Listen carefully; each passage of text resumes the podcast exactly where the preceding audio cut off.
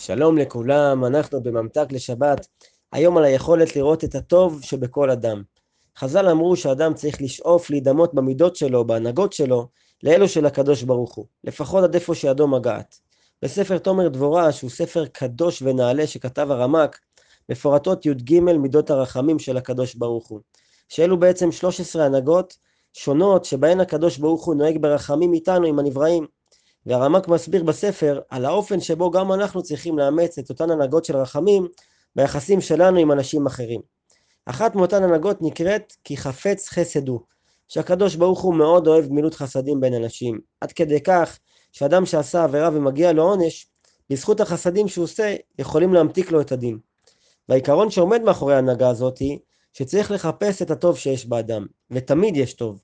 בגמרא כתוב שאם יש רוצח שעומד לדין מכנסים בית דין של 23 דיינים, דיני נפשות.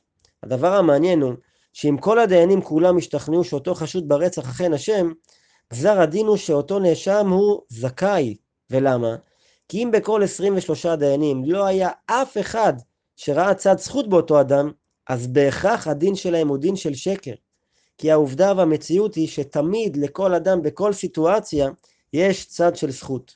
אז איך עושים את זה? בפרקי אבות כתוב, הווה דן את כל האדם לקו זכות. כלומר שתמיד צריך לראות את הזכות ואת הטוב שיש באדם. רגע, למה כתוב את כל האדם? היה צריך להיות כתוב, הווה דן את האדם. וזה בדיוק העניין. בכולנו יש טוב ורע. וגם כשאנחנו רואים רע באדם, צריך רגע לעשות זום אאוט ולראות את מכלול התכונות שלו, זו הפואנטה. וכשרואים את מכלול התכונות, אז ממילא הרבה יותר קל לראות את הטוב שבו ועליו לשים את הדגש. וזו נקודה מאוד חשובה שצריך להמחיש אותה. אנחנו צריכים לזכור שכולנו אנשים דואליים, שיש בנו גם את הטוב וגם את הרע. זה אומר שמאוד יכול להיות שאותו בחור צעיר שראינו על הספסל מפצח גרעינים ויורק אותם אפילו בגסות על הרצפה, זה בדיוק אותו חייל קרבי שעושה פעילויות מבצעיות שאנחנו כל כך מעריכים. ואותו אחד שחתך אותנו בפקק ונדחף לראש הטור, זה יכול להיות בדיוק אותו אחד שמכין ומביא אוכל כל שבת ושבת לאלמנה שגרה אצלו בשכונה.